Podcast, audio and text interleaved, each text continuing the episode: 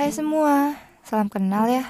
Semoga ke depannya bukan hanya suaraku yang akrab di pendengaran kalian, tapi juga pesanku yang tersampaikan ke hati kalian. Di episode pertama ini, aku gak mau dulu bahasa nyakitin. Masa baru kenal aja udah nyakitin? iya, kali ini mari kalian aku ajak menyelam ke hal-hal manis yang aku yakin semua paham rasanya. Crush, aka gebetan, atau doi, dan biasa disebut orang yang kita suka, kagumin ataupun ingin milikin. Iya, begitu deh sekiranya. Lagi ngalamin ataupun pernah ngalamin, yang jelas rasanya sama Rasa berbunga tiap kali dia lewat depan kita. Rasa gugup tiap mata kita saling bertemu. Ada kupu-kupu berterbangan di tiap malamnya. Saat pikiran berkelana tentang dia. Aduh, indah banget ya kedengarannya. Lucu tahu kalian. Entahlah, tiap orang jadi kelihatan gemes saat kasmaran. Atau aku aja sih yang mikir begitu ya. Aneh. Dari banyak cerita dan pengalaman, ada cerita crush yang berakhir uh. Tapi ada juga sih yang dari crush berakhir crush. Crush crush crush crush. Alias gagal. hmm, ya tapi balik lagi sih, ketika kamu udah berkomitmen untuk menaruh rasa ke seseorang, kamu harus siap dengan segala kemungkinannya.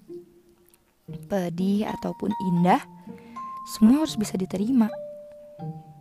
Karena kamu harus tahu kan, dia nggak pernah minta kamu untuk punya rasa. Jadi, bertanggung jawablah atas rasa kamu sendiri. Karena kalau sakit, ya sebenarnya kamu sakit hati sendiri kamu jatuh dari ekspektasi yang kamu buat sendiri oke okay. eh bukan bukan begitu bukan bermaksud patahin semangat kamu atau ngancurin mimpi indah kamu tapi aku nggak mau kamu sakit hati semisal nanti nggak sesuai ekspektasi Ngerti kan yang aku maksud? Siap. Aku yakin kamu paham maksud aku. Eh iya. Aku mau nanya nih sama kamu. Crush kamu tahu nggak tentang perasaan kamu? Atau kamu suka dalam diam? Istilah kerennya sih secret admirer. Hmm, gak apa-apa Aku berharap kamu gak sendiri ya dalam perjuangin perasaan. Aku harap akan diselipkan kisah manis di dalamnya. Dikutipkan dari sebuah buku. Gini kalimatnya. Di depanmu, aku malu-malu memandangmu. Dan di depan Tuhanku, aku terang-terangan memintamu. Hmm, entah ya, ini masukan dari aku. Coba deh, kamu beraniin diri buat menyatakan ke dia.